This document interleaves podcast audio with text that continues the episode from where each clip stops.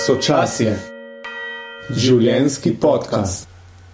Katarina Cerar Bajde je profesorica športne vzgoje, učiteljica čuječnosti in predsednica Društva za razvijanje čuječnosti. Z njo se podava na pot, ki te od študenta DIFA pripelje do čuječnosti. Čeprav se nam je definicija čuječnosti izmikala kar nekaj časa, smo pogumno stopili v te vode in se dotaknili občutljivih tem, kot so primerjava čuječnosti z religijo, kaj je meditacija in kako nam lahko čuječnost pomaga v življenju. Spoznamo tudi dela društva, katerega glavni namen je promocija čuječnosti v življenju. Vabljeni k poslušanju. Uh, Živijo, pozdravljena, hvala, da si se odzvala. Živijo, pozdravljena, dobro, Mateja. Uh, ja, tako, za začetek imamo eno tako navado, da vsakega gosta malo poprašava tako. Preden začnemo s temo, torej danes je tema čuječnost, da tako, mogoče poveš v par stavkih, torej, kaj je tebe pripeljalo do, do čuječnosti. So mogoče kakšni mejniki v življenju, ki se jih spomniš, ki so bili tako, če bi zdaj pomislila nazaj, da to je recimo pol vodilo počasi. Pa mogoče še kakšen stavek tudi o, o sebi lahko rečeš, s čim si se prej ukvarjala. Izvoli. Ja, ja. Ta menik je tako hitsno biomehanika na fakulteti za šport. Na fakulteta za šport je pač pedagoška fakulteta, res izražena ta nota pedagogike, seveda šport. Ne, potem je bila tukaj biomehanika, kaj fizika. In sem si ta izpit pustila čisto na koncu, in, in zadnji izpit, in res je bilo tako malo strah. Um, Potem sem čisto slučajno, slučajno v knjigi od Erika Froma prebrala opis, kako si izboljšaš koncentracijo. Mhm. In je bilo v bistvu je bilo opisana ta čuječnostna meditacija, osredotočenje na dih. Ja. Se osredotočaš na dih, ko grejo misli stran, greš nazaj in to ponavljaš in ponavljaš. In mislim, da je bom probala. Kjer letnik je bil to? Četrti. Ha, prav, čist na koncu, na koncu. Uh. Pustila sem si, res, to mi je bil tak stres predstavljati, ker sem morala preučiti celo srednješolsko, za celo srednješolsko, ampak res ogromno ne na literature, ne, pa sem se sploh tizga lahko lotila. Je ta žmog, kako se imenuje, ta živčno, motorične osnove gibanja. Ne, ne vem, to pa ne vem, to je mogoče nekaj mnoga. Ja, to je ta, ta največji izpit na, na div, ko gre jaz tvem. Ja, A, To je mogoče kakšen nov. To je zdaj mogoče nekaj mnoga. Aha, To je, ja, to je najbrž eh, tale, um, kako se že reče, um, ne fizioterapija, fiziologija. Možno, da je to kaj povezano. Aha, Ampak, ti si bila pa na pedagoški smeri. um, ja, vse takrat je bilo še bolj združeno. Aha, To je bilo okej. 2004. eh, Razumem, ja. začela, v bistvu. Um, Prosti smo te prekinila, evo, Ja. ti pripravi na izpit. Ja, priprava na izpit in to je bilo res. Eh, tako po kažem tednu dni, ko sem to počela, vzela sem si deset minut enega odmora, pa sem naprej študirala. Pa že spet, ker mi je postalo neprijetno, ne, zaradi omejitev, sem se že spet ustavila, pa sem, pa sem se osredotočila na njih. Tako po enem tednu ali pa 14 dneh sem ugotovila, da ful uživam v, v študiju, da tudi če je kakšna težava, da, da ne postanem nervozna, ampak enostavno se nekako poglobim v to. In to me je potem, ampak jaz sem to takrat dojemala kot dihalno vajo. Da sem potem naredila diplomsko nalogo, uvajanje, di, uh, uvajanje dihalnih vaj pri urah športne vzgoje, ki je bila zelo uspešna. Um, in je potem knjiga nastala iz tega. In, uh, potem sem pa drugič zanosila in nekako ni bilo, da grem delati, ampak da nam preveč časa, vem, da nam tam obtičala nekje vmes, pa še kriza je bila takrat, na finančna vem. Uh -huh. uh, sem se pa opisala na študij. Uh, potem so takrat bili Hebra Bolonska in so bili na doktorski krne. Um, in potem so se s profesorico zmenili, da bom raziskovala to čuječnost. Ker sem sčasoma ugotovila, da to, kar sem jaz v bistvu uh, čist nevede uporabljala in mi je koristilo, da je v bistvu čuječnost. Študij česa? Na fakulteti za šport sem uh, delala diplo, doktorsko, doktorski študij Aha. z naslovom oziroma s tematiko čuječnost v športu. Ja. Aha, spravi po diplomski, no, v bistvu. Ja, ja. Aha, okay. ja. Da, ja. To je bil menik, no, biomehanika. In te je to toliko pol potegnilo, da si šla naprej, postala učiteljica čuječnosti in zdaj to. Ja. Ti poučuješ druge v bistvu. Ja. V bistvu ideja je bila taka, da, da gre to v šole. Ker sem res, ker sem videla, da če meni pomaga, jaz sem imela, ugro, mislim, jaz sem imela, zdaj vidim za nazaj, takrat niti nisem vedela. Ne sem imela močno anksioznost, močno depresijo, seveda obtoževanje zaradi tega, ne, zakaj nisem drugačna, ne, zakaj drugače funkcioniram. To mi je pa dobesedno, mi, ta element mi je toliko spremenil, pa je šlo za 10 minut na dan, pa ne vem, 20 minut, dvakrat po 10 minut. In tako, tako se je spremenil moje funkcioniranje v svetu, da sem kaj, kaj zdaj to. Ne? Me res zanima in zato sem potem diplomsko nalogo delala um, in sem preučila vse dihanje, ne? na kakšen način dihanje vpliva na naše počutje, živčni sistem in tako. In je bilo res to bilo za me eh, res ena taka terapija. No? Uh mhm. -huh.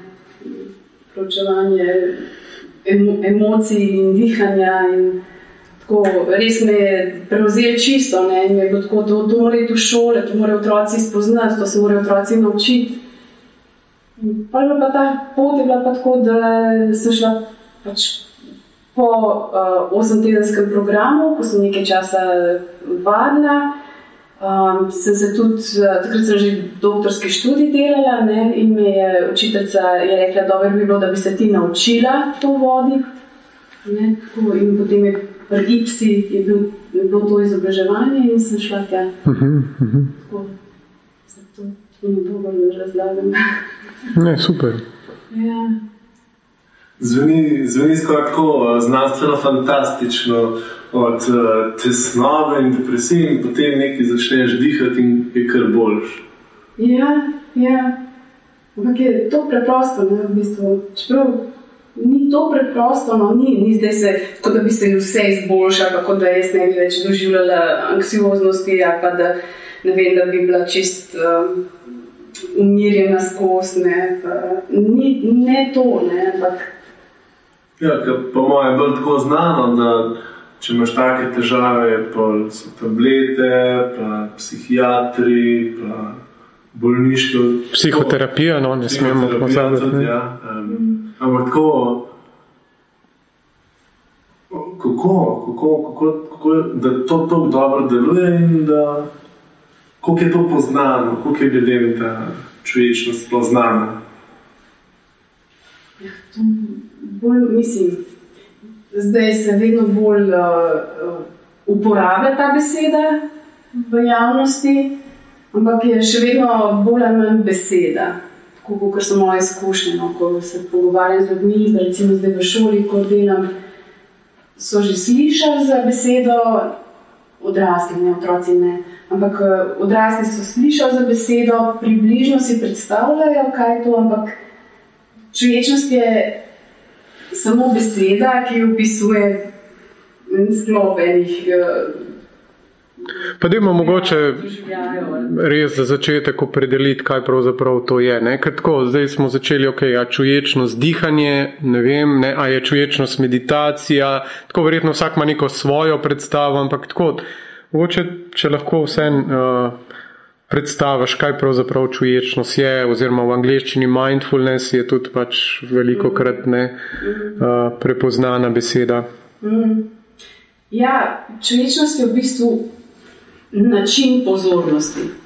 S to besedo se opiše določen način pozornosti, način, kako smo pozorni. Ker pa zdaj, dokler samo govorimo o tem, je, je, je lahko ostane tudi dosti v oblakih.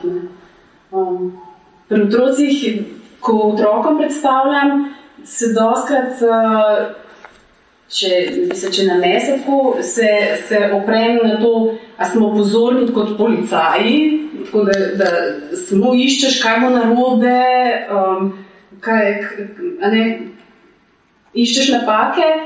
Ali, ali pa si pozoren tako, da kar ah, noč me ne briga, noč me ne zanima, kar nekaj stremiš, ali pa tukaj nekje vmes, ne? oziroma da si tako na nek način radovedno pozoren, odprto, da, da sprejemaš stvari okrog sebe, ne, da, da jih čim bolj radovedno opaziš. No, um, pa ta nota prijaznosti, prijaznosti do svojega doživljanja. Mhm. Lahko kaj več poveš o tem, kaj pomeni to prijaznost?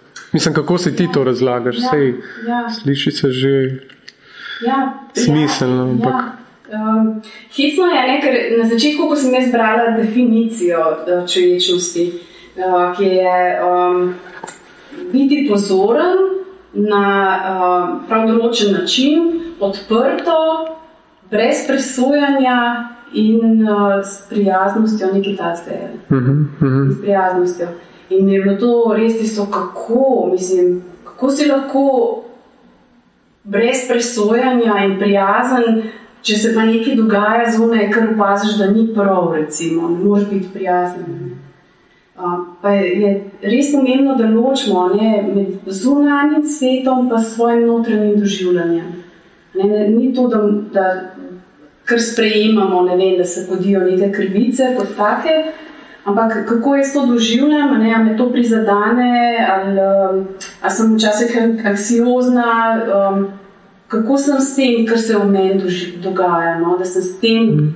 na en mehak način, da se ne obsojam. To je pa ta nepresojanje, ne? da se ne obsojaš, ko, ko doživljaš neke neprijetne čustva ali pa neka, um, neke misli, doživljaš, ko, ko niso prijetne, dobre ali jih ne maraš. Ko se ti že tisoč tisočičev glas in notranji glas, kjer loser si, ker nisi še tega, pa tega naredil. Ja, naprimer, ja, ja, da to misel, ne, ne da jo odganjaš, doskrat je tako, ne, človečnost je odganjanje misli. Uh mhm.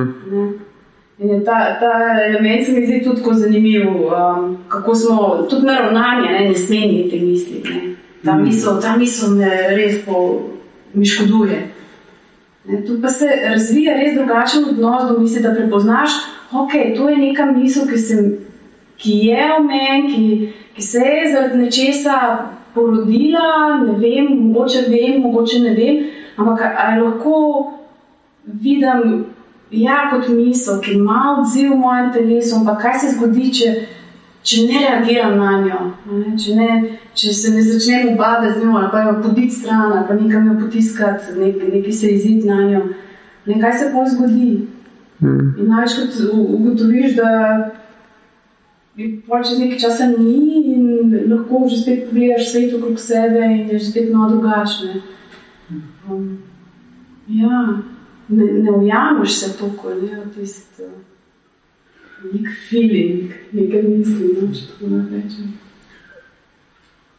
Ko, ne vem, kako mi deluje, kako je to malo kontraintuitivno, da, da bi rekel, da mi ne gre, ja, ja, pa mi gre, se bom potrudil in mi gre, ne da mi ne gre. Um, pa, kot je slišati, jih obratno. Um, Bolj, ker se borimo, slabš je. Ja. In čuječnost kot odganjanje misli, pa pristopa potle na način, da damo te misli pot, se ne borimo z njo in potem kar Ja, mislim, zanimivo je, da človečnost v bistvu človečnost. No? Ta praksa, praksa človečnosti, ne, se, ko govorimo o človečnosti, v bistvu govorimo o dveh stvarih. Ne? Eno je pozornost kot taka, način pozornosti, eno so pa te vaje, ki nam pomagajo do tega načina pozornosti. Aha, to je tisto, kar se reče formalna, pa neformalna praksa. Ali ne? Ja, niti ne. Ne, ja, okej, si in nekaj drugega. Ja, ja, lahko bi, ja, lahko bi tudi tako rekel. No. Ampak ja, ta formalna in neformalna praksa ti pomaga oblikovati uh, ali pa vzpostavljati, ne, ker, ja, ker ni, da se nekaj oblikuje in potem vedno tam je. Ampak za vedno znova se spomniš, ne, na kakšen način si lahko prisoten, na kakšen način si lahko pozoren. Ja, gre mogoče tudi za prisotnost, no? ne toliko za pozornost, kot za neko prisotnost, način ene prisotnosti. Uh -huh. Jaz sem ga že čisto zakomplicirala. Ja, tako je hecno. Ne? Ena beseda je, ki opisuje veliko teh pol našega doživljanja, naše realnosti. No? Um, če ti si prej rekel, o, da, ne, da, gre, da je obratno kot odganjanje misli, Ja. običaj, ja. Da se, ko češ pred slabim mislim, se moraš boriti. Ja, ja. Tu, tu gre v bistvu to, da, da vidiš misel kot misel, ki pride in gre, čeprav se sliši to tako, no, hecno. No. Um, pa po eni strani, recimo, meni doskrat pomaga, ne, ker se misli so to resnične. Misel, ko se pojavijo, dojemaš, to je, to je sto odstotno resnično. Ne, to je, Dejstvo. To je dejstvo. Uh, Še posebej zato, ker zelo čutim to v telesu. Ne? Neka misel, neka skrb, recimo, pride in potem to začutiš tako močno v telesu. Zdaj eno je, ali popolnoma verjameš temu, rečeš, to je res, ne? ali pa se napadaš, jo, zakaj sem tako neumna, da, da še vedno tako razmišljam. Ne? Tu se pa, tu se pa treniramo v to, da prepoznamo to kot nek proces, ne, da res vidiš, kako misel pride. Res, dejansko se s to prakso, ko jo delaš, ne, ko sediš, ko meditiraš, kaj če temu rečemo. Prav paziš, kako dejansko se misli pojavljajo, kako asociativne so, ne, kako se obešajo eno na drugo. In vidiš, kako odzivi v telesu prihajajo pri določenih mislih, ne, kako telo reagira. In ko to poznaš, to ti že da eno tako podlago, da, da, da se ne boriš z mislimi, da to, ta borba z mislimi odide. Po drugi strani je pa meni tudi zelo pomagajo že spet misli, ne? ko si rečem, aha, ok, nobena misel me ne definira. To meni tako pomaga. No? Če se spomnim, kakšno obsesivno, kot si prej rekel, ne? ko so tiste misli, ko jih je. Lahko en primer daš tako, če za predstavo. Mogoče, Katarina, če se vrneš na moment, ko smo se učili za biomehaniko, pa je prišlo, so bile prve te izkušnje, kakšni, kaj to pomeni telesni od- odzivi ob določenih mislih, kakšne so bile te misli in kaj se je tam zgodilo, da je pa kar naenkrat bilo boljš. Čakaj, zdaj sem uh, malo. Pri biomehaniki. Ja, ko si študirala za izpit, si rekla, da je bilo težko, da, so, da je bilo nekaj. Ja, takrat ni bilo nekega močnega zavedanja, točno kaj se dogaja. Uh, sam delalo je. Delovalo je to, da sem se usedla. Uh, Se pravi, takrat si mogoče bolj tole, telesno doživljala neke občutke, v smislu tesnobe ali pa tako strah me je izpita, to je najbolj zahteven izpit, pustila sem si ga za konc. Tako je bilo bolj na ravni teh občutij, mogoče ne toliko misli. Ne, vse je bilo prisotno. okej. Vse je bilo prisotno, samo to pobo- izboljšanje stanja, um, mislim, od samoobtoževanja je bilo prisotno Ja, ja. do Aha. telesnih občutij. Do, mislim, ja. Ampak to izboljšanje stanja je prišlo tako subtilno, sploh ne da bi morala kaj razmišljati, ne da bi morala kakšno teorijo poznati o tem. In kako se to opazi? Tako, enkrat pa ste rekli, da ni bilo teh problemov, pa je tako, da, da je malo abstraktno, kako da to kar pomaga, kako se to opazi. Um, ne vem točno, kaj se mi kaže. Um, čisto ok. Da, da je prišlo to izboljšanje, um, kako, kako to zaznaš? Ja, če se, če se vrnemo nazaj na biomehaniko. Ja. Ja. Ja, kako, je, kako je bilo zaznati to izboljšanje? Uh, in s tem, da sem lahko dalj časa delala naloge same, ja, pa, um, da, sem, da, da je obstajala neka večja mirnost znotraj mene. Ali mogoče tudi to, mogoče, da sem si začela znala bolj predstavljati, bolj dojeti bistvo recimo, fizike. Ne. Tako, res bolj, bolj plastično sem si lahko predstavljala, ker bilo prej, recimo, fizika bila prej za me zelo verbalno, na verbalni ravni. Ne, pač naučila sem se formule, ustavila sem znala noter, vedela sem, kje je kaj, ampak ni bilo pa neke predstave. Tukaj pa še ta predstava, ne ima to tudi zaradi let, ne, odraščanja. Ampak to dosti povezujem, no, tudi s to. Uh, Ampak se pravi, se to tako razlagam, kot da se v bistvu toliko sprostiš, ker sprejmeš vse, kar pač je prisotno. Dobro, takrat mogoče nisi temu tako rekla, ker si samo dihala, ampak recimo, da je bila to posledica, da potem je postalo bolj naravno se učiti ali pa tako. Ali pa zdržati strahovi, ki so zraven se porajali. Ja, A prav razumem. Ja, ne vem, ja. ali Pa, kar so se umaknili, no, tisti. Aha, a pa so celo šli stran. Ja, ja. Ok, So se super. umaknili, ja. ja. A, a lahko mogoče še naredimo to distinkcijo ali pa povezavo, tako ne. Dan danes je, bom rekel, zelo moderno, da meditiraš. Ne? Torej, tako, vsak skoraj more meditirati, ne, če hoče biti in. Tako se mi zdi, da je to en taka drža, tudi že kar prisotna. Ampak kam sem pa še čuječnost? A je to eno in isto, je čisti enačaj ali je eno del drugega, tako kako ti to vidiš, doživljaš. Se da mogoče to bolj jasno ločiti. Um,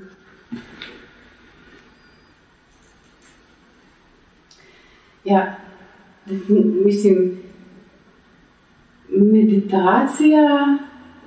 Um, jaz dejansko nisem šla gledati, kaj je to definicija, kako je definirana meditacija kot taka.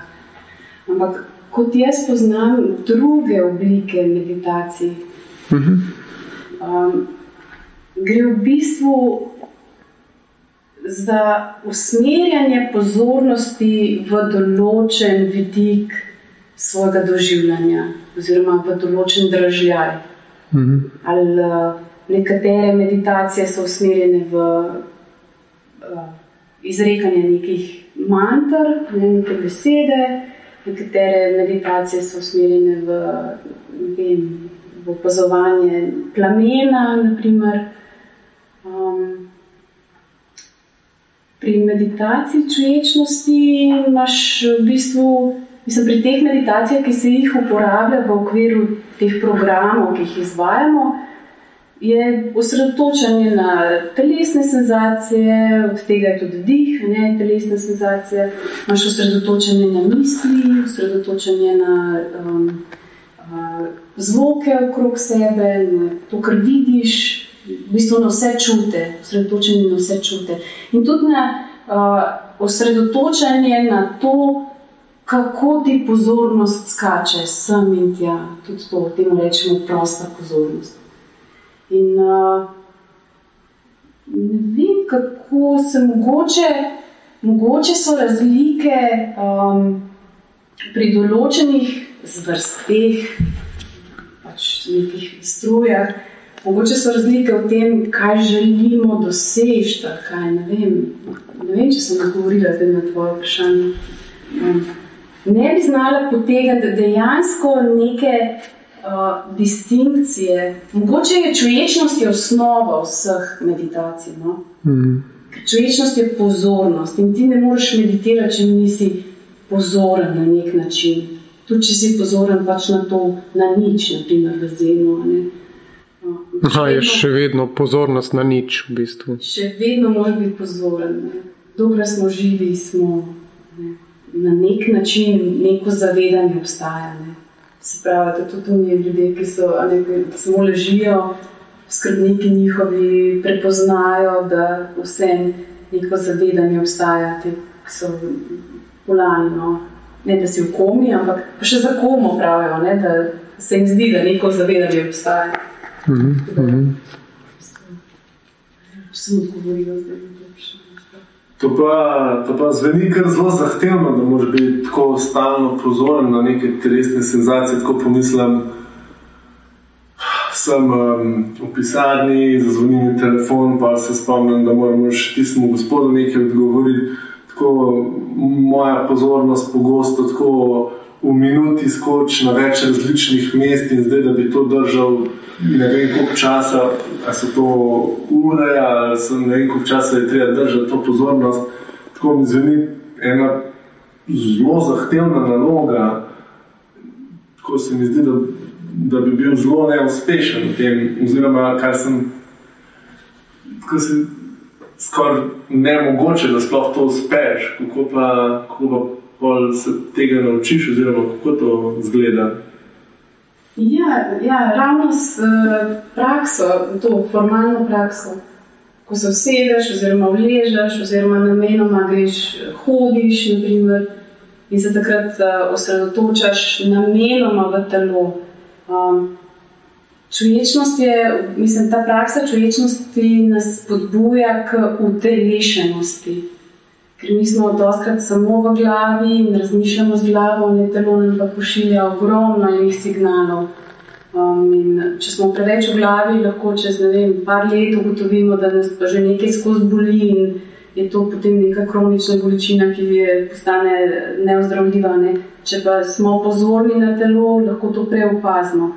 Tako nam telo sporoča od fizioloških potreb do čustvenih potreb. Ne? Ko smo mi res v glavi, um, nam zmanjka ne, to glava, ki ima nek aparat, ki hodi okrog. Um, in uh, s prakso čuječnosti se učimo ponovno prepoznavati uh, svoje telesne občutke in. Misli ustanejo, seveda, misli so vedno prisotne. Ne? Naučimo se prepoznavanja, da oboje lahko sobiva. Uh, in, uh, ja, ko, ko dovolj vadimo, v bistvu to ne predstavlja neke težave. Ne? Zavedati se telesa, istočasno, ko se zavedaš uh, svojih misli, dogodkov okrog sebe. Ne predstavlja več težave, ni to neki napor. V bistvu postane, v bistvu postane nekako uh, naravno bolj naravno, kot samo biti v glavi. No? Mhm. Ja.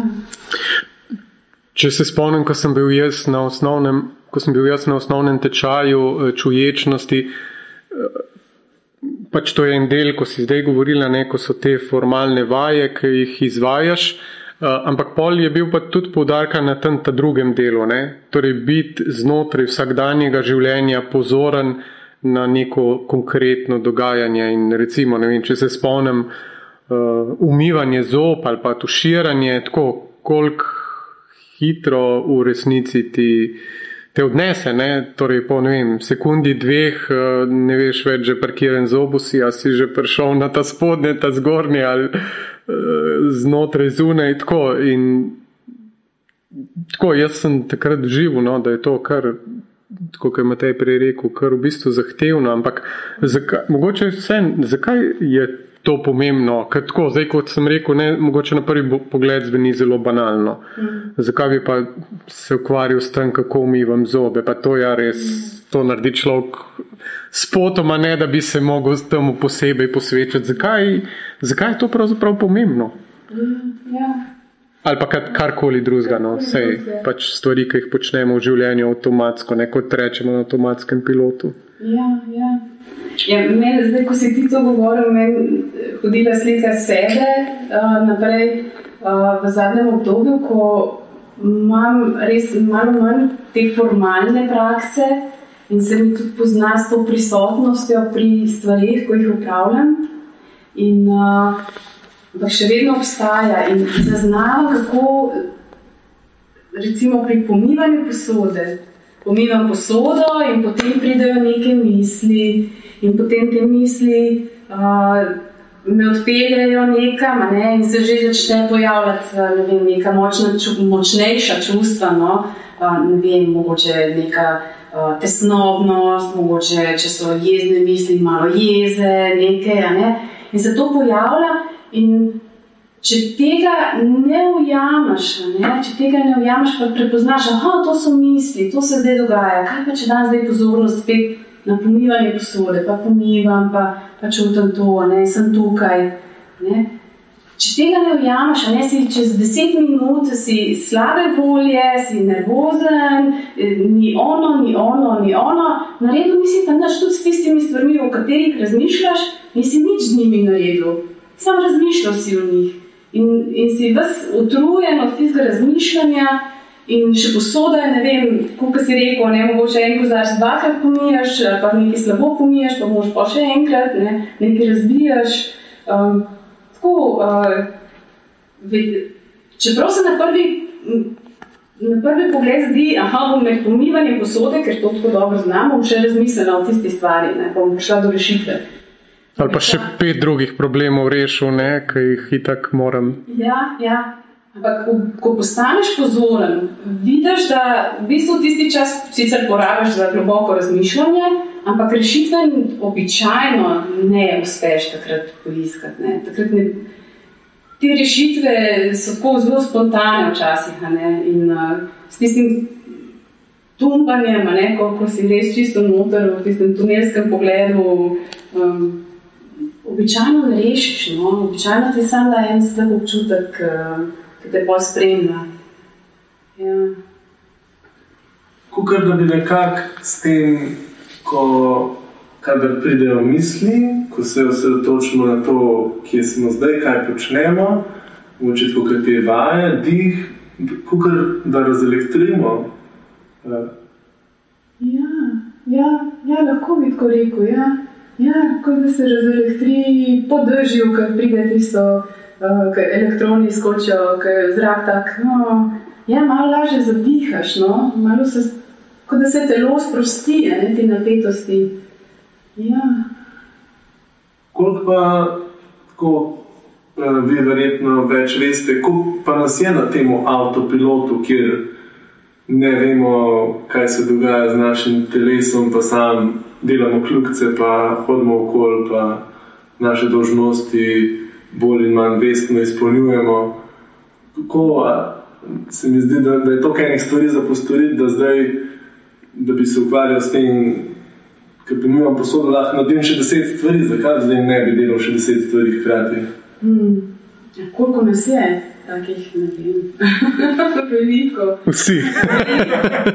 ja, to je narava naših možganov, uh -huh. zato da imamo olajšane stvari. Um, takrat tisto, kar znamo, um, delamo avtomatično in lahko možgani razmišljajo po svoje. Ne? Možgani so preživetven organ mm. in uh, nam pomagajo pri teh problemih, ki jih imamo. Ja. Uh. Kako ti čutiš, da ti, recimo, zdaj, po toliko letih, tudi prakse in spoznavanja in razvijanja tega, eh, to, recimo, konkretno pomaga? Ne vem, si bolj umirjena ali manj prestrašena, ali, ali, ali drugače doživljaš to? Ja, zagotovo v teh socialnih stikih sem bolj, uh, bolj odprta um, bolj uh, skozi razumevanje in sprejemanje svojih lastnih teh um, pač različnih uh, čustvenih stanj, če lahko rečemo. Um, lahko tudi bolj jasno razumem, vidim, sprejemam druge ljudi. To, recimo, to, je, to je sigurno no, nekaj, kar, kar sem opazila. No. Um, tudi drugače se soočam z občutki tesnobe, uh, ja, anksioznosti, tudi z občutki jeze. Naprimer, se drugače drugač se spopadam, drugače sem s tem, ko se dogaja. In mi je lažje. No? Um, tudi, kader so občutki res močni, je mogoče manj nekega obtoževanja. Um, da so sploh prisotni, um, kar bi bilo prej. Ne, pride anksioznost, si potem še jezen na sebe, da si anksiozen in potem to še bolj omeji v čemu koli, in si na koncu zapreš v sobo in čakaš, da mine. Hmm. Um, to, to je ena stvar. Um, druga stvar je pa, kar se tiče upravljanja teh nalog in delanja kljukic. Uh, to opažam v zadnjem času, da mi človečnost res uh, pomaga v smislu, da opažam, kako so prisotne misli, kaj vse je še treba narediti, koliko, koliko sem že zdaj utrujena, pa imam še to, pa ono, pa drugo. In ko, ko o tem razmišljam, vidim, kako se telo še bolj utrudi, še bolj je vse težko. In uh, kako, se, kako mi lahko ta vedno znova prihajanje v telo, prihajanje v ta, tren, ta trenutek, delo, ki ga imam zdaj le pred sabo, ne tisto, ki me še čaka. Uh, da to v bistvu prinaša, kot si prej rekel, neko razelektritev, neko, nek svež trenutek in potem lažje, ne, vsak trenutek, vsako nalogo posebej, ne se lotim. Tako da tukaj, uh, tukaj mi pomaga, pa še. Um, da nisem tako zahtevna do sebe, da mora biti vse tipi topi, perfekt. Uh, čeprav se mogoče v tem svetu sliši to, ali to pa ni dobro, ne moramo biti, pa da moramo biti popolni. Ne. Ampak, uh, zdaj, če ne bom tako odgovorila na tisti mail, ne, pa bom še vedno pravočasno odgovorila, da sem lahko prijazna do sebe, mehka. Mislim, da se ne obtožujem za to, če mislim, da je tako. Je, hmm. um, in s tem mogoče tudi drugemu, drugemu človeku daš uh, neko dovoljenje, ne, da, da ni treba se tako naprezati, ni treba zdaj, da, da so vse stvari. Mislim, ne, ene stvari že, seveda, kirurg v, mora biti natančen, ko operira. Ampak, ne vem, ali bom jaz, ko bom prišla v razred, eh, ali bom uporabljala vsako besedo, ki sem si jo zastavila, da jo bom uporabljala. Ali si lahko bolj sproščena? Ali lahko bolj sproščena, mm. pa tudi če mogoče česa ne rečem, tako kot sem si zamislila, lahko, a se lahko ne obtožujem kasneje zaradi tega, da jo nisem dovolj dobro naredila. Ne. Pravijo tako, da ne, to sem nekje slišal, da tiska misli, da je, tako, je, da je že čist prebojen in razsvetljen in zen, ne, kot se reče, da ne gre za en teden v svojo družino živeti, da bo hitro prišel v stik z realnostjo. Pa me zanima tako, kako pa je, ti vem, pač imaš tudi uh, družino, ne, uh, kako pa ostali doživljajo to čuječnost. Uh, ja, kot si rekel, to čuječnost, da imajo otroka skozi tisto, kar imamo s to, čuječnostjo, da ne teži s to čuječnostjo. Če sam rečem, da je dobro, pogledaj mi že reče, da ne teži s to čuječnostjo, tako da smo dva doma, um, kar um, ostra, um, ne kritika, ampak tako. Uh, Spodbojevalca moje čuječnosti. No? Mm -hmm. da, ja, da, Um, je pa, uh, mislim, ja, družinsko življenje je sigurno vir enih uh, um, močnih čustev. Stresa, ja. Stresa, ja. Ko, ko res. Uh, Ko si, čuj, ko si čuječen, no, ko delaš te vaje, zdaj ne vem, če sem čuječen, ampak ko delaš te vaje, ko sediš, ko, ko vedno bolj jasno začneš prepoznavati svoje misli in jih potem tudi v vsakdanjem življenju prepoznaš. Potem v tej komunikaciji z otroki res to jasno vidiš, mislim, jasno, včasih malo manj, včasih pa veliko bolj jasno vidiš, ne, kako te tvoje lastne izkušnje izpred. Ko si bil ti otrok, ne, kako si ti odraščal, kako vplivajo na tvoje interakcije z otroki. Ne, in, in lažje potem uh, tudi mogoče. Uh, lažje se na neki točki ustaviš. Ne, in, in, pa si, si res vzameš, rečeš, da zdaj pa je zdravimo domov. To sem že nabildana s temi stresnimi hormoni, da zdaj pa res rabim odmora. Pa, ne vem, drugače, tudi to prihajanje vedno znova v telo. Naprimer, ko se pogovarjaš z otrokom, kot je neki, ne zdaj imam mislim, 12-nika, ki je veliko pametuje. Mm. In to, ko začutim stopala na tleh, ko se pogovarjam z njima, mi daje res eno energijo oziroma eno moč, da mogoče nekaj bolj mirno odgovorim nazaj, da mogoče ne, ne povem vsega, kar bi želela povedati, ker je vidik, mislim, tako no, neka večja mirnost no, pride. Ali pa da si dovoliš poslušati do konca, kaj ima ta povedati, da ne v prvem stavku že takoj začneš ja. ali zbruhneš ali pa ja. karkoli že. Ne? Ja, to je tudi ena taka, ja, tisto, da pride ta impuls, da bi nekaj rekel pa lahko, no, ok, greš nazaj, pa malo počakaš. Sicer vedno ne uspe, no. Ne, mm. kot si rekel, deset minut v domačem okolju, pa si lahko že včasih to moj bog.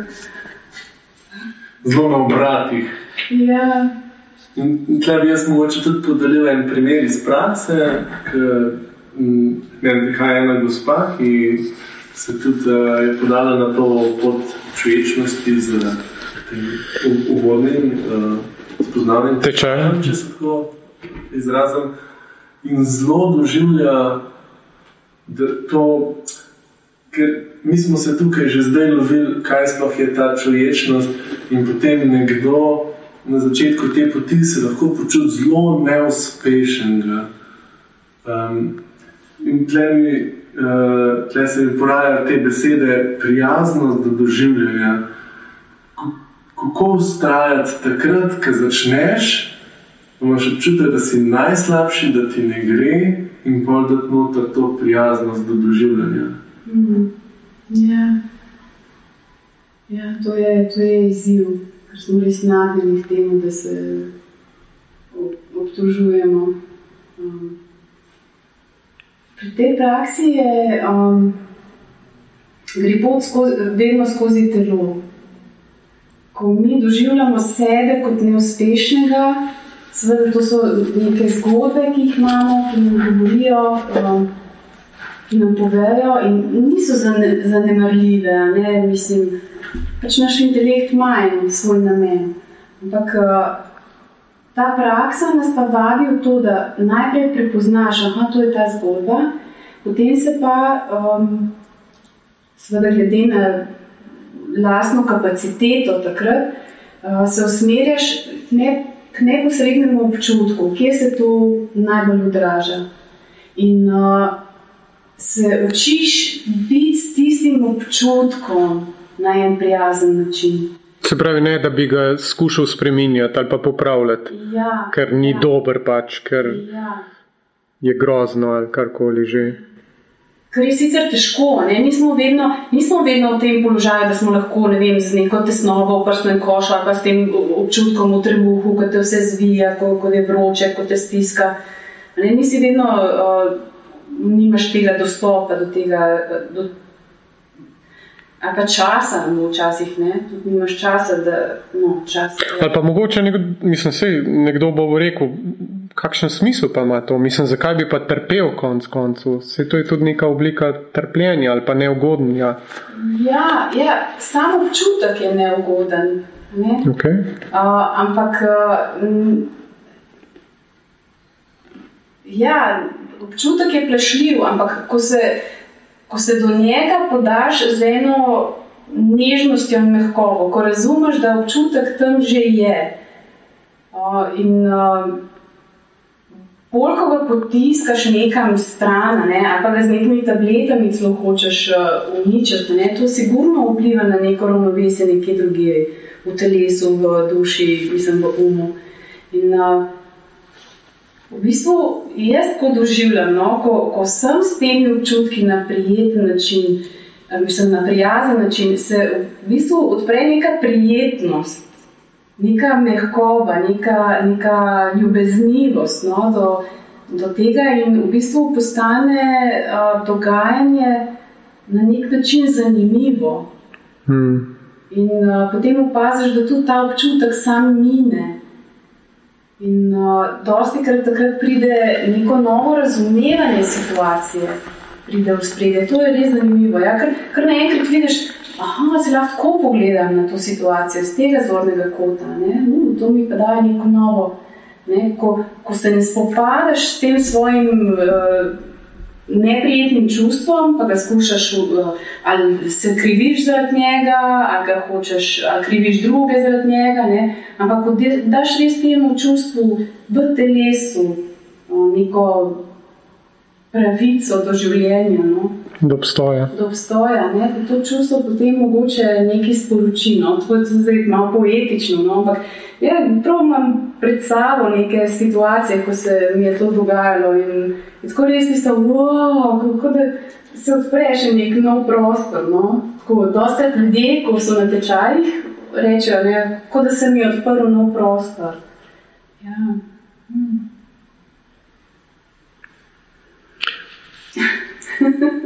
uh, jaz pa imam poti pa še v eno drugo smer in sicer, ker slišim tako čuječnost, si rečem, kot pa je to prišlo. Ne? In tako imam tako občutek, da ima en tak vzhodnjaški pridih. Pa bi tako vprašal, kje pa je meja med čuječnostjo in potem mogoče bi kdo zraven dal še kakšne druge etikete, kakšen, kakšna religioznost, budizem. Um, tako se mi zdi, da mogoče zato kakšna celo prva asociacija, da dodamo kakšno besedo v to smer. Mm. Ja, ja, se, ja zelo hitro uh, lahko povežemo to z uh, budizmom, uh, se mi zdi, no, pa temi vzhodnjaškimi uh, verami. Um, Čuječnost je to, kar se poučuje v teh osemtedenskih programih, oziroma to, kar v našem društvu, uh, s čimer se ponujamo, nekje uh, je vse uh, preiskano z sodobnimi pristopi psihologije, uh, fiziologije uh, in gre za. Kako, mi to pišem? Gre za čisto en tak lajčni pristop. Ne? Res lahko to razumemo kot usmerjanje pozornosti ki je podprta sodobno psihologijo. Ne? Tudi v sodobni psihologiji se ve, da bolj ko se ti boriš z nečim, bolj bo to se razraščalo. Ne? Tudi terapevtsko delo gre, če se ne motim, da ste terapeuta, ne jaz nisem.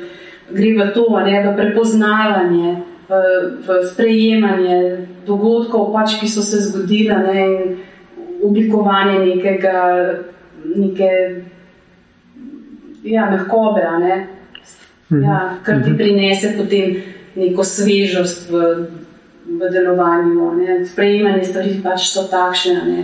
kako sem lahko jaz v redu sam s sabo. Um, tako da, um, ne vem, zdaj sem že spet nekaj odplavila. Čisto um, ok. Čisto ja, okay.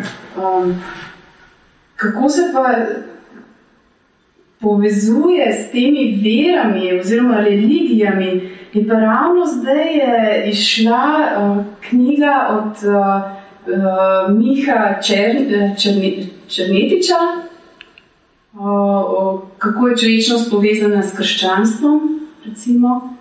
In je to uh, res eno tako delo, ki lahko um, tukaj pokaže, ne, da je človečnost neka univerzalna sposobnost človeka, ni, ni, ni povezana z verovanjem. In tisto, vse, kar je naprej, je uh, pač dodatek uh, vsake vere. Tako so vse vere usmerjene potem v to, da um, bi se mi sami sebe bolj radi, pa tudi druge, ne, da bi živeli v neki skupnosti. Mm -hmm. Vsaka vera ima to namen tega. Prej si omenila uh, tudi vmes uh, društvo torej, katerega predsednica si tudi sama, pa če mogoče lahko kakšen stavek več poveš, kaj je to društvo, čemu je namenjeno, kaj delate pravzaprav. Društvo za razvijanje človečnosti je v bistvu so ga leta 2014 so ga ustanovili psihoterapeuti, študenti, so bili takrat še vsi, ki so se spoznali s človečnostjo v okviru svojega študija in so že takrat, ne, čisto na začetku, ugotovili, da to pa res nekaj, to pa je nekaj posebnega. In mi se želimo to združevati in, in na nek način razširjati to, to, uh, to prakso. Ne, ker ne gre toliko za idejo, kot gre res za prakso. In uh, jaz sem malo, mm, kakšno leto kasneje, sem tudi jaz prišla, se vključila v to društvo. In uh, po nekem spletu okoliščin sem pač postala zdaj predsednica, no, ampak to zdaj ne upoštevam kot nekaj neko častno mesto. Um, kaj namen našega društva je, da res strokovno izvajamo te programe človečnosti. Uh, ti programi človečnosti so vsi uh, izhajajo iz uh, angliških programov oziroma ameriških. Uh, so vsi programi, ki so res uh, preverjeni strokovno, znanstveno, to so klinične raziskave, ki ugotavljajo učinkovitost teh programov. Oblikovali so jih uh, doktori psihologije, um, različnih no, pač teh uh, znanstvenih disciplin. Mhm. Ja. In so res, uh, um, res dobri programi. No. Um, ja, v društvu. A poleg, oprosti, ti ja. skačem besedo, poleg teh uvodnih tečajev, ki smo jih že omenili, ponujate še, oziroma organizirate še kakšne druge programe? Ja, ja. Ta, ta nek vodni program je.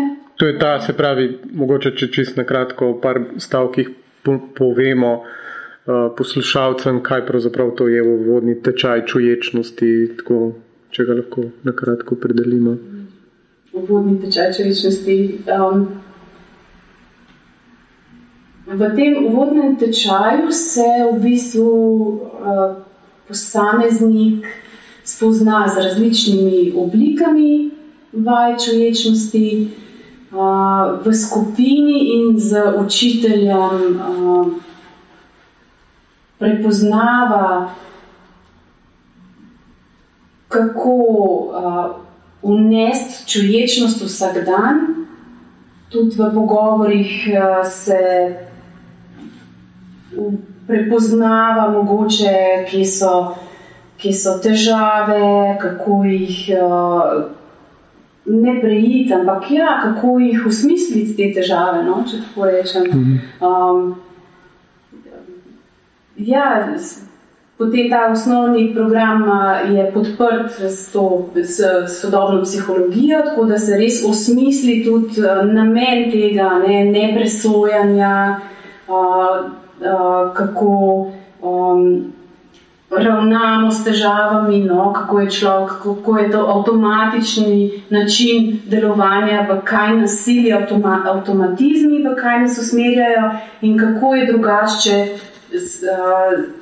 če se življenje lotim z nekim večjim zavedanjem in z neko večjo um, možnostjo izbire v delovanju. In to vse ta tečaj ponuja. Ne, uh, ta psihološki del, res so neke osnove psihologije, ki smo jih doskrat že slišali, ampak so na nek mogoče drugačen način osvetljene. Pa te vaje so, ne? predvsem je pa skupina namenjena temu, da res človek v teh osmih tednih vzpostavi nek ritem nekih vaj in potem proti koncu tega časa ugotovi, ne? ali ima to za njim kakšen smisel ali nima. In dosti ljudi ohranja ne, vsaj kakšno izmed teh vaj, uh, da ohranjajo potem še tudi po koncu programa. Ja. To se dobite vsak dan, koliko časa traja srečanje? Mm. To, to so tedenska srečanja, enkrat na teden, v določenem času, dve uri in pol trajajo običajno ta srečanja v živo. Ko smo jih pa imeli preko Zuma oziroma preko spleta, Um, so pa ta srečanja lahko tudi malo krajša, no, ker je mogoče druga dinamika skupine. Dostakrat so še celo zahtevnejša preko spleta. Kaj teže je verjetno pozornost toliko časa ne, usmerjeno držati. Ja, na ta ekran in mm -hmm. smo negibni, da pred ekranom sedimo kot uh, klipčki. Ja, tako. Um, ja. Prej sem te prekinil, smo na ta tečaj zašli. Ja, mislil sem še, kaj, eh, če lahko še par besed o drugih programih, ker vem, da jih vaše društvo ponuja. Ja, um, drug en tak program, ki je tudi preverjen uh, in uh, ga je naredil no, psihiater in, in še en psihoterapeut, ki je tudi med njih, uh, sta naredila pa program um, sočutnega bivanja.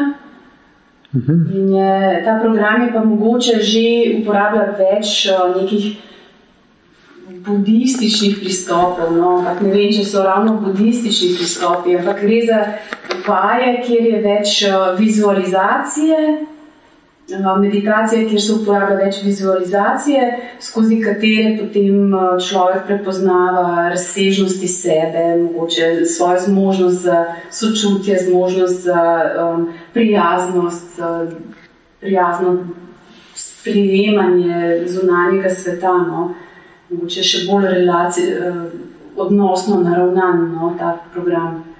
Um, potem imamo še nekaj, tako so organizirane tudi eh, take vadbene skupine, kjer se bolj uh, posamezniki priključijo, um, mogoče neko krajše obdobje, naprimer tri mesece, se dobivajo tedensko po uro in pol in skupaj meditirajo, se malo pogovarjajo, tako kot neko neka spodbuda za ohranjanje prakse, česar se dostakrat ljudi se odločijo po končanem osem-tedenskem programu. Um, imamo, organiziramo tudi odmike. Uh, odmiki so, so dogodki, kjer se odmaknemo v samoto, gremo, najamemo nek prostor in uh, potem res posvetimo čas meditaciji. In je, to gre lahko za vikend, pa za daljše odmike, sedem dnevne, v bistvu je nekaj najdaljši čas, kar mi organiziramo. In je v tem času res en, ena priložnost za posameznika, da poglablja, mislim, poglablja mogoče, da zdrži dalj časa ne, v meditaciji, da bolj jasno opazuje procese, ki se v njem dogajajo, ne, da razvija to prijaznost, to odprtost do doživljanja. Je, ja, res so tako prijetni dogodki, no se mi zdi se. Ja, no, lih na to, mogoče bi se navezal na to prijetnost, ker ne kot je pač meni poznano, tudi iz vlastne izkušnje ti odmiki, pač to je treba povedati, potekajo v tišini, torej to pomeni, da se cel čas odmika, tudi udeleženci med sabo ne pogovarjajo in tako na prvi pogled jaz mogoče ne bi celo tega povezal s prijetnostjo, ker pač biti toliko časa v tišini samim sabo in ne imeti možnosti se pogovarjati s ljudmi, s katerimi vem, obeduješ v skupnem prostoru, mogoče spiš tudi v isti sobi, se srečuješ na hodniku, ampak v bistvu ne, pozro, ne, ne torej, tej pozornosti ne daješ nekega mesta in časa. Tako je kar v bistvu izzivno, to hočem reči. Ni samo prijetno, no? vsaj za me ni bilo, kako pa ti to vidiš. Ja, ja zanimivo, da si to izpostavil. Um, mogoče je to en vidik, ki sem ga že pozabila. Um, ker mogoče mi je bilo prvič, drugič to ena taka um, tesnobna izkušnja. izkušnja. Oziroma, tesnoben element, ko sem razmišljala vnaprej, kako bo s tem.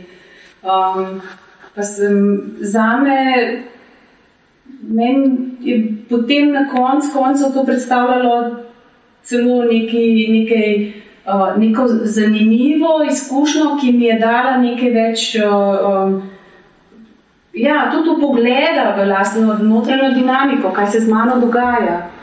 Um, uh, ja, lahko je to neprijetno. In, uh, ljudje, ki pridejo na te odmike, niso prepuščeni sami sebi. Vedno je tam vodja, oziroma tudi dva vodi, vodja odmika, sta, ki sta namenjena temu, da če imaš uh, kakršne koli stiske, da se lahko na njih obrneš in se pogovoriš. Uh, odmiki so organizirani tudi na tak način, da ni zdaj treba tam sedeti, uh, opravljati uh, vaje, čuječnosti, meditacije, no, če tako rečemo. Vaš čas. Vaš čas, ja, si lahko vzameš čas zase, bereš, greš na sprehod. Um, ne, um, ali celo predčasno zapustiš, ne, ni zdaj nek to um, tekmovanje. Prisila, no, ja, ja. na drugi strani. Da, uh, mogoče sem iz tega vidika videla te naše odmike kot nekaj prijetnega, uh, ker si res. Uh, mogoče je tudi grajenje neke, nekega, neke samozavesti, kaj je dobro za me, da naredim, ne, nekega dovoljenja, da to lahko naredim. Mogoče je to tudi eno krepitev tega elementa sebe. Ne? Lahko poslušam samega sebe in se odločim uh, drugače. In je zanimivo tudi z tega vidika, da uh, si podprt od skupnosti. Um, tudi dosti krat ljudi na koncu odmika v tem poročajo. Na začetku sem se počutil, mi je bilo aksiozno, ne? zdaj na koncu mi je pa fino. Uh, da sem to doživel in se med nami, kljub temu, da se nismo pogovarjali, uh, se je stkala neka uh, vez. Ja, to je tako lepo. Mhm. Je zanimiva beseda odmik, kjer sicer res se odmaknemo od nekega tega vsakodnevnega vrveža. Ampak um, se mi pa zdi, da se pa je pa prav nasprotje od odmika od samega sebe. Je prav obratno, čutim, da gre, greš proti sebi. Um, in tudi zanimiva mi je ta, ta uh, zmanjšana količina um, dražljajev, kjer v bistvu postanemo še toliko bolj um, občutljivi za tiste države, ki so. Lahko je to res en tak bežen pogled, ampak ga lahko zelo hitro prepoznaš kot ljubečega. In um, se mi zdi, da, da ne rabimo toliko, da dobimo. Ker pa, ko se vrnemo iz teh odmikov, so pa pogosto stvari preintenzivne, um, dokler spet se navadimo na to, da vse je pisano intenzivno, zasloni utripajo ulični vrvež. Okay. Kako, mogoče to se mi zdi, lahko še poveš, kako pa je ta torej, eh, prihod nazaj v vsakdanje življenje. Ja, tako kot ti na tej že rekel, ja, lahko je zelo kaotično, no? um, da je toliko dražljajo. Um, po drugi strani bi pa jaz zase lahko rekla, da mogoče lahko postanem še bolj po teh odmikih uh, na nek način še bolj prisotna. Um, naprimer, vem, ko grem po cesti, da še bolj jasno opazim obliko stavb, uh, drevesa. Uh, raz, različne, ne vem, regrat, kako cveti, kakšne oblike. Da to še to bolj prihaja v spredje in ti, in ti res uh, polepša dan, no? mislim, obogatiti dan. Ne? Že sam en, ko greš od, od A do B, od, od doma do trgovine, lahko na tisti poti ogromno opaziš. Ne? Se mi zdi, da na odmikih sem res dobila to kapaciteto uh, ostajanja v dejanskem okolju, ne? da ne bežimo tako v misli, ne? pa da opaziš in se hkrati lahko zavedaš misli. In ti to res obogati, no, dan, to, to je ne, to, ta praksa, da ti bogati trenutke, mm. in ti jih da več, no, bogate. Super. Tako, mogoče je lahko na tej točki nekje počasi sklenemo ta del, se mi zdi tako in tako dobro izhodišče, ne, da v bistvu je praksa čuječnosti pravzaprav poglobi tvoje doživljanje, ne pa ga oduzame, kot mogoče na prvi pogled ne zveni, ne, torej da, da pač tisto, kar je ali neprijetno, ali tako, ampak da ti ga poglobi, hkrati pa da ti da en nov pogled, ki ga še do zdaj nisi imel. Mm. Tako čist uh, proti koncu bi te rada vprašala, oziroma postavila še nekaj vprašanj, takih splošne narave, ki jih vsem gostom dava, uh, tako z vidika tega, da, da mogoče še kakšen drug vidik uh, tebe spoznamo.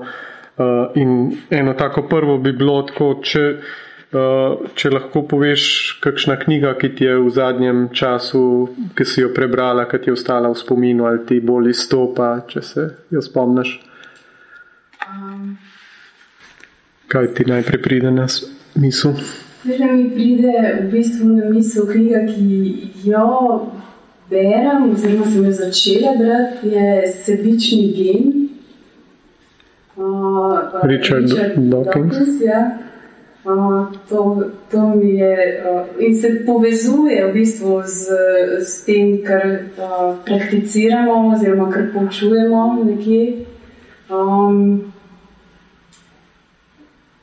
knjiga, ki sem jo brala, ja, bolj malo nekaj berem, no? bi lahko rekla tako, da bi res zdaj lahko naštela nekaj velikih knjig. Um, Pa mogoče kakšen film, serija, ki te je pritegnila, ki kar ostaja. oh, Če je kaj. um, Film, čakaj, pred kratkim sem nekaj gledala, zdaj ste me pa dobila, no to bi mogla res pomisliti. Se to ni test, veš? Je Ja, ja, ja. Mogoče. Um, ampak serije, serije, pa, serije pa smo gledali. Um, S, z možem gledala, ampak to pred časom sem imela obsesijo, sem gledala The Office. Oh, okay. Joj, da, ti res ne veš, a bi, a bi nehal že gledati, a, a kaj, ali so že vsi čist, mislim, da res. No. Najbrž sta tu čuječnost mal dala na pašo takrat. Ja, mislim, opazovala sem odzive v sebi, ne? to sem opazovala, Aha. kako nervozna postajam. In, in, uh, ja, ja, to. Um, pa taka lušna, lušna je, zdaj s hčerko gledava, hčerka je 12 let stara in zdaj gledava Modern Family. Skupaj gledava in to To je zanimivo, ja. Ja, polno modrosti, uh, lušno, lušno. Uh, tako da ja, to recimo. Super. Uh, tako imaš kakšne hobije, stvari, ki jih rada počneš, Ja, uh, poleg čuječnosti, seveda. Človečnosti, vse počnem čovečno in vse postane hobi. Ne, se ne. Mislim, ja, no, recimo nekje ta pot, no, mogoče, zdaj, ko si tako vprašal. Um, Drugač pa, um, včasih, smo, včasih sem veliko tekla, zdaj me pa kolena bolijo, tako da veliko manj tečem. Pa, um,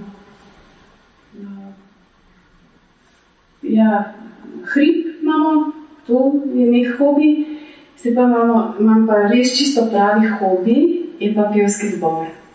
Wow. V našem društvu uh, je uh, Žan organiziral pevski zbor in uh, zdaj že mislim, da dva meseca treniramo in smo se naučili že dve pesmi, zdaj tretjo se učimo in je res fino. No? In ta človečnost tudi pomaga, da res čutiš svoj eh, ta aparat za petje in eh, znaš bolj usmerjati, ne? ker to je res ogromno enih napotkov, kako moraš držati eh, vrat, eh, grlo, glasil, oziroma glasilke nimaš niti topno na uho. In kako dihaš in izgovarjaš, in je res uh, veliko pomaga. No?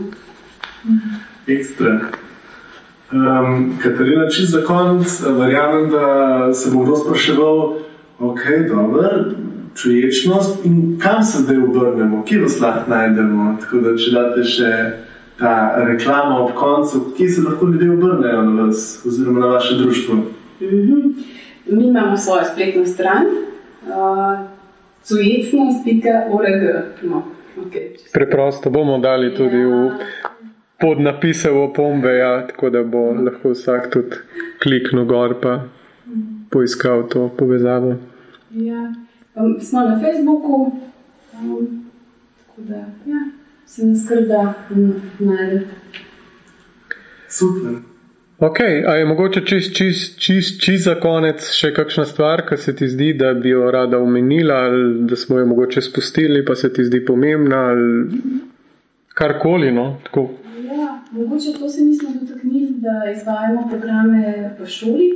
Aha, ok, ja, lahko Ja, mogoče še imamo še nekaj minut, lahko še kaj rečeš, to je v bistvu tvoje delo konkretno. Ja, ja, to je tista strast, zaradi katere sem jaz začela uh -huh. uh, se s tem ukvarjati. In, uh, zdaj, v preteklih dveh letih, treh, uh, dejansko izvajamo v, izvajam v šolah, po programu že spet iz tujine prihaja, ne, nisem sama zmislena, ne, je vse delam po, po točkah. In, uh, prete, v preteklem letu res so bili zadovoljni učitelji, um, učenci. Uh, in, uh, čeprav gre za res kratke vaje, jaz pridem tja za 20 minut, pokažem eno vajo, uh, mi se jo skupaj naredimo, se pogovarjamo o tem, kaj, kaj je bilo, kako je bila doživeta ta vaja, in potem jo učenci izvajo z učiteljico. Um, in Učiteljice pravijo, da je sprememba. Okay. Da so otroci bolj, ja, vem, bolj pozorni, bolj mirni, bolj prijazni. Ja. Nas pa so financira mestna občina Ljubljana. Mhm. Se pravi, na področju Ljubljane se to izvaja ja, trenutno. Ja. Trenutno na področju Ljubljane in uh, nas mestna občina Ljubljana sofinancira. To je res. Uh, nekaj, kar nam sploh omogoča to izvedbo. Mhm. Prav, ok. Hvala lepa, ker si prišla, ker si bila danes z nama. Hvala vam za povabilo. Vse dobro.